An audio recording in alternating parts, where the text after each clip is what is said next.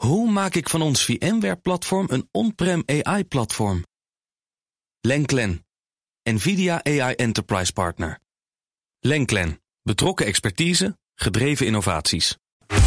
Tech Update. Het opvallendste technieuws gaan we uiteraard bespreken met onze tech-redacteur Joe van Buurik. Goedemiddag, Joe. Hi, Nina en Kees. Nou, we gaan beginnen met Tesla. Voor de tweede keer gedagvaard wegens, uh, nou, kunnen we zeggen, bepaalde fratsen van Elon Musk. Ja. Kunnen we het nog wel fratsen ja. noemen? Nou, de, deze, de, deze zijn al heel vaak de revue gepasseerd. Maar komen nu toch weer terug in documenten die Tesla vandaag zelf heeft ingediend bij de Amerikaanse beurswaakhond. Daaruit bleek onder meer dat het voor 170 miljoen dollar aan bitcoins heeft afgeschreven. Zoals net al bij Kees te horen aan het begin van de Daily Move. Mm -hmm. Maar ook dat hij opnieuw voor de rechter moet gaan getuigen. wegens een uh, dagvaarding van 13 juni, die ze dus nu melden. Dat gaat om zijn tweets uit 2018. Toen Musk zei: Ik ga Tesla van de beurs halen. En ik heb de financiering al, al rond. rond. Ja. Nou, dat, uh, of dat nou zo was, is een beetje discutabel. Of dat het toch was om de beurskoers even te beïnvloeden. Afgelopen november werd hij daarvoor ook al gedagvaard. Want dat had allemaal te maken met het feit dat hij ooit had ingestemd met een Twitter-nanny. om niet meer die beurswaakhond op zijn nek te hebben. Maar dat wilde hij een jaar geleden niet meer. Dus toen zei hij: Ik wil er vanaf. En toen kwam de dagvaarding van afgelopen najaar. En nu dus weer eentje. Ja, dus nu moet hij echt. Nu moet hij weer eigenlijk. Ja. En weer verantwoording gaan afleggen uh, over uh, wat hij nou precies met Tesla uh, bedoelde toen hij die tweets de wereld inslingerde. En uit diezelfde documenten blijkt trouwens ook dat Tesla dit jaar en volgend jaar en het jaar daarna meer geld moet gaan investeren om de productiefaciliteit goed voor elkaar te krijgen. Hm. 6 tot 8 miljard in plaats van 5 tot 7. Zo. In eerste instantie werd daar met de beurskoers goed op gereageerd, maar nu duikt het toch weer een beetje omlaag. Waarschijnlijk ook weer vanwege die bitcoin die gedaald is. Dat helpt niet mee. Dat helpt niet. Nee. We gaan naar een nieuw soort Apple Watch, die er zowaar ook echt anders uit gaat zien. Heb je er zelf een? Nee. Kees? Uh, mijn polsen die zijn net iets te dun daarvoor. Ik ja, kan ja niks dat is wel een hele originele smoes, moet ik zeggen. uh, ik ben niet van de slimme horloge. Ik heb gewoon een ouderwetse metalen Casio. Maar uh, we hebben er een heleboel van, ook bij BNR dan overal natuurlijk. Zie je mensen met slimme horloges lopen. Soms moet je even goed kijken. Maar deze gaat als het goed is best wel opvallen. Dit gaat namelijk om de sportversie van de nieuwe generatie. De Apple Watch 8. Die waarschijnlijk ook nog eens de naam Pro gaat krijgen. Volgens Bloomberg's informant Mark Gurman. Het gaat er vooral om een groter scherm. Het rechthoekige ontwerp met die afgeronde randjes. Je kent het wel, dat gaat dan waarschijnlijk verdwijnen. Hij gaat ook niet helemaal rond worden. Dus niet een cirkel, zoals je bij sommige smartwatches ziet. Zit tussenin. Ja, ja ovaal, nou ja, dat is dus de vraag. We weten niet hoe die eruit komt je te hebt zien. geen plaatje nog Nee, nee, nee, nee, dit is allemaal uit de geruchtenmolen Ja, ja, natuurlijk. Uh, hij gaat wel gemaakt worden van extra sterk titanium. Zodat hij voor mensen die hem ook met het sporten om willen hebben... Uh, ja, een, een, tegen een stootje Ja, kan, zal ja. ik maar zeggen. Moet ook wat langer mee kunnen gaan op een volle acculading. is ook nog wel eens een probleem bij slimme apparaten. Uh, maar dit is een belangrijk element, Ina, voor Apple... om uh, gezondheid wat meer in de productenstrategie te verwerken. Uh, er komt een soort thermometer in.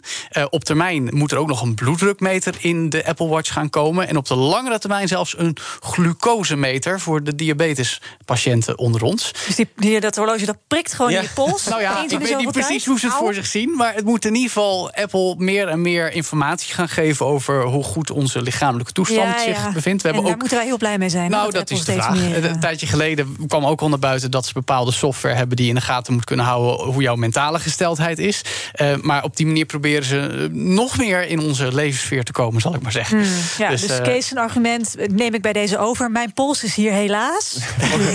Sorry, meneer Koek. Nou, goed, aanstaande donderdagavond gaan we van hem horen. Want dan komt Apple met nieuwe kwartaalcijfers. Wie Ja. weet wordt er dan naar verwezen. Maar waarschijnlijk pas in september... als Apple echt met nieuwe producten op de proppen komt. Ja, nou dan nog even dit. Goede hè, ondertitel- ondertiteling voor series op bijvoorbeeld Netflix. Die zijn weer eigenlijk belangrijk aan het worden. Belangrijker dan eerst? Nou, ik weet niet of je ooit is opgevallen... dat de kwaliteit van in ieder geval voor ons vertaalde ondertitels... vaak toch al niet- ondermaats is. Ja, dat klopt. En dat zeg ik niet omdat ik zelf een achtergrond als vertaler heb... maar het is toch best vaak matig vertaald, slordige spelfouten. Ik weet ook dat het echt voor een happenkrats gedaan wordt, dus het is logisch. Mooi, jij bent nu gewoon een opdracht aan het binnenhengelen hier op de zender. Nou, waarom denk je dat ik dit doe tegenwoordig? Het betaalt marginaal beter dan de 5 cent eh, per woord eh, dat je daar met ondertitels krijgt. Maar goed. Um, de Britse krant The Telegraph heeft nu een boeiend artikel dat Engelse ondertitels voor ook bij Engels gesproken series aan populariteit winnen. Dan hebben we het eigenlijk over zogeheten closed captions, vooral bedoeld voor doven en slechthorenden, precies. mensen met een auditieve beperking. En het gaat dan niet alleen om wat mensen, personages zeggen, maar ook om wat tussen die vierkante haakjes staat als er klanken worden beschreven. Eh, dat blijkt nu vooral ook uit het vierde seizoen van Stranger Things, de grote hit op Netflix. Daarin heb je pareltjes als wet breathing en sibilant trilling. Hele kleurrijk beschreven begrippen over wat wij, Horen, als je kan horen, ja. kan horen. En dat wordt dan weer gedeeld met screenshots op social media. Dat gaat weer viral. En dus heeft Netflix nu zelfs als beleid een timed text style guide. Die zegt: beschrijf dit soort dingen zo levendig Maar mogelijk. kan je dit ook uitzetten? Ja, natuurlijk. Ja, natuurlijk kun je het uitzetten. Maar Ja, mensen precies. doen dit. En dat is dan wel weer een beetje wrang. Volgens recent onderzoek heeft 80% van de kijkers ondertitels aan op Netflix. Soms vanwege accenten, maar soms ook om in één oogopslag een dialoog mee te krijgen. En dan weer op de smartphone te kunnen Ja, kijken. maar 80% ook echt in dezelfde taal. Dus Engels en dan Engels subtitle. De- vooral de jongeren onder de 25 Ja, ja. kijken echt bewust Engelstalige series met ondertitels, zodat ze ondertussen ook eh, kunnen appen en instaan en TikTokken. Maar goed, er is wel weer hoop voor vertalers. Nou, precies. Ja, wie weet dat het ook gewoon wat beter gaat betalen, Joe. Wie weet. weet. het nooit. Ik ben er niet meer Als van jij er volgende week niet meer bent, dan weten we wat je aan het doen bent. eh. Ik kan je wel even wat toespelen zo meteen, Kees. Oh, ik ben daar heel slecht in. Ik, ik laat het bij jou. Joe van Buurik, dankjewel. De BNR Tech Update wordt mede mogelijk gemaakt door Lenklen. Lenklen. Betrokken expertise, gedreven resultaten. Hoe maak ik van ons VMware-platform een on-prem AI-platform? Lenklen. NVIDIA AI Enterprise Partner. Lenklen. Betrokken expertise, gedreven innovaties.